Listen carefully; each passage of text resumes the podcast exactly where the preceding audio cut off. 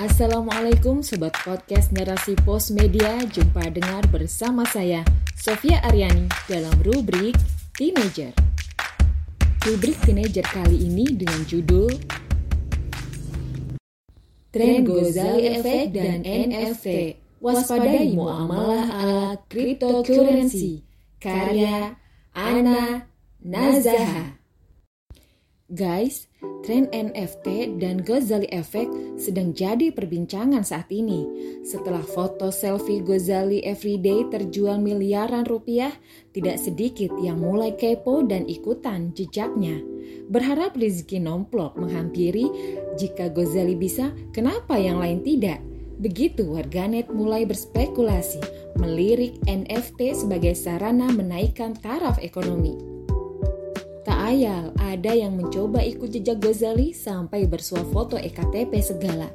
Kan ini bahaya. Selain itu, identitas diri seperti EKTP tidak bisa diperjualbelikan di NFT. Karenanya, Telvia Vineta, yakni Head of Tokomall penyedia NFT Marketplace Platform, mengatakan, ada gap antara awareness dan pemahaman terhadap teknologi pada masyarakat. Seperti dilansir pikiranrakyat.com Selasa 18 Januari 2022. Bahasa mudahnya nih, masyarakat kita belum terlalu paham pasar digital, sehingga sering latah pada hal-hal yang viral, berharap rezeki moncer sehingga hilang sikap kehati-hatian sampai salah kaprah. Lebih jauh lagi, sebagai muslim kita lemah dalam memahami fikih muamalah.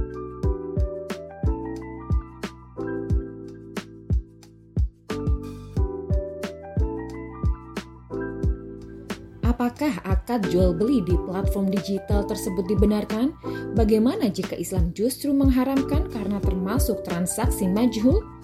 Nah loh. Mengenal NFT yang bikin Gozali tajir melintir. Guys, Sebelum kita bahas halal tidaknya transaksi lewat NFT, tak ada salahnya kita kenalan dulu dengan salah satu aset investasi turunan kripto satu ini yang bikin Gozali meraup cuan sampai miliaran rupiah. NFT atau non-fungible token adalah aset digital yang ikonik, baik berupa foto, aset game, musik, lukisan, dan karya seni lainnya. Sebagian besar NFT menggunakan teknologi blockchain Ethereum yang merekam transaksi, menjamin kepemilikannya yang identik dan satu-satunya. Dilansir dari CNN Indonesia, NFT bekerja sama dengan beberapa marketplace di antaranya OpenSea, Rarible, Axis Infinity, dan lain-lain kita bisa menyesuaikan produk dengan marketplace yang sesuai untuk memasarkan karya unik atau langka milik kita. Jadi guys, jika ingin karya kita menjadi aset yang dijual di NFT, singkatnya nih, pertama, pastikan kita punya karya seni. Kedua, pilih blockchainnya, mayoritasnya dan paling mendukung adalah Ethereum. Ketiga, tentukan dompetnya, Dompet digital fungsinya untuk mengkonversi uang resmi menjadi uang kripto. Terakhir, pilih market setelah mengisi informasi dan mendaftarkan NFT dan karya siap diperjualbelikan. Namun masalahnya guys, Ethereum adalah mata uang berupa koin turunan dari mata uang cryptocurrency, seperti halnya Bitcoin dan jenis mata uang kripto lainnya di mana mata uang ini hanya bisa digunakan pada kelompok dan pasar tertentu. Atas sebab itulah MUI menilai aset NFT sebagaimana kripto adalah perdagangan yang tidak sah sebab aset kripto mengandung unsur goror, doror, dan primar. Goror berarti transaksi mengandung ketidakpastian, doror yakni bisa merugikan salah satu pihak, dan primar artinya bersifat spekulatif atau bahkan perjudian. Selain itu, MUI juga menilai aset NFT tidak memenuhi syarat sil'ah secara syar'i, di mana barang yang dijual seharusnya memiliki wujud fisik, memiliki nilai, hak milik, dan bisa diserahkan ke pembeli.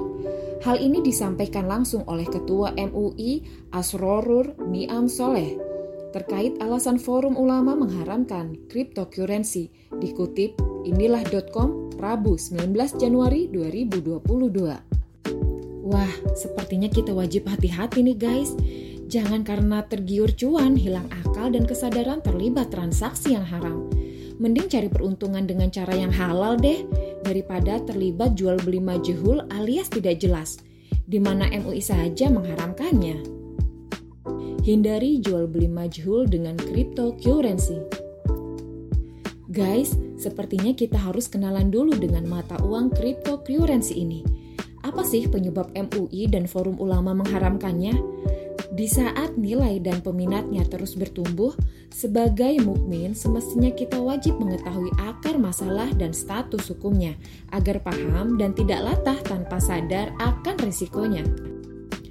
Islam itu agama yang sangat memperhatikan kemaslahatan orang banyak, guys tidak karena menguntungkan satu sektor lantas mengorbankan kepentingan dan keamanan masyarakat banyak. Investasi dengan cryptocurrency memang sedang ramai peminat, sehingga diharapkan mampu mendatangkan keuntungan yang besar bagi perekonomian bangsa. Namun, baru sedikit dari kita yang tahu, cryptocurrency tidak memiliki ilat moneter, tidak dikeluarkan oleh otoritas legal sebuah negara, jadi sangat beresiko fluktuatif dan inflasi Tentu saja ini mengancam perekonomian suatu negara. Mata uang itu seharusnya memenuhi standar moneter, wajib dikeluarkan oleh lembaga legal sebagai harga dan upah untuk barang dan jasa digunakan oleh seluruh masyarakat, bukan berlaku khusus pada barang dan pasar tertentu saja. Dalam hal ini, Asyah Ato bin Khalil Abu Arostah menyebutkan sesuatu disebut mata uang jika ia memenuhi beberapa syarat, Pertama, sebagai standar untuk barang dan jasa atau ilat moneter. Kedua, dikeluarkan oleh sebuah otoritas legal dan diketahui oleh umat. Ketiga, tersebar luas di tengah masyarakat. Nah, guys, uang sejenis cryptocurrency tidak memenuhi ketiga syarat di atas. Karenanya, Ethereum dan sejenisnya tidak bisa disebut sebagai mata uang. Jikapun dianggap sebagai komoditas, Bitcoin, Ripple, ini tidak jelas pihak yang mengeluarkannya dan tidak ada penjaminnya. Adapun lembaga yang mengeluarkannya sudah pasti negara kapitalis atau korporasi internasional dari negara-negara para kapital. Yap, tahu sendiri, bagi para kapitalis tidak ada makanan gratis. Apa pun kebijakan yang keluar dari mereka, baik berupa pinjaman ataupun utang, semua tidak ada yang gratis ada harga mahal yang harus kita bayar di setiap transaksi. Mata uang yang real dan bernilai sama. Emas dan perak adalah logam mulia yang tidak asing lagi bagi kita, merupakan instrumen investasi warisan nenek moyang kita, safe haven banget istilahnya. Bahkan semakin hari nilainya semakin meningkat dan tentunya menguntungkan. Nah guys, Berdasarkan logam mulia inilah mata uang dalam Islam diberlakukan menjadi salah satu kekuatan perekonomian dunia di mana sejarah telah membuktikan kekhilafan Islam mampu menjadi negara unggul dan membawa perekonomiannya tumbuh pesat hingga berabad-abad memimpin dunia. Khotimah sebagai generasi terbaik peradaban, mengenal dan memahami teknologi seperti pasar digital NFT sangatlah dibutuhkan. Namun, teknologi tidak cukup jika tidak diiringi keimanan. Keimanan akan mendorong kita berpikir sebelum bertindak. Tidak mudah terbawa arus walaupun itu menggiurkan, sekalipun ia sarana pintas meraup cuan. Tetap kedepankan akidah guys, rezeki halal lagi berkah sambil terus berjuang dan berdoa tentunya.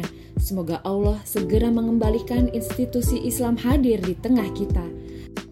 Karena hanya dengan tegaknya institusi Islamlah sistem ekonomi Islam diterapkan, menghapus segala kebatilan akibat muamalah yang tidak sehat, membawa berkah dan rahmatnya bagi seluruh semesta. Wahai orang-orang yang beriman, penuhilah seruan Allah, Allah dan Rasul apabila dia dia menyuruh kepada sesuatu yang memberi kehidupan padamu. Wallahu a'lam. Narasi pos, cerdas dalam literasi media, bijak menangkap peristiwa kunci.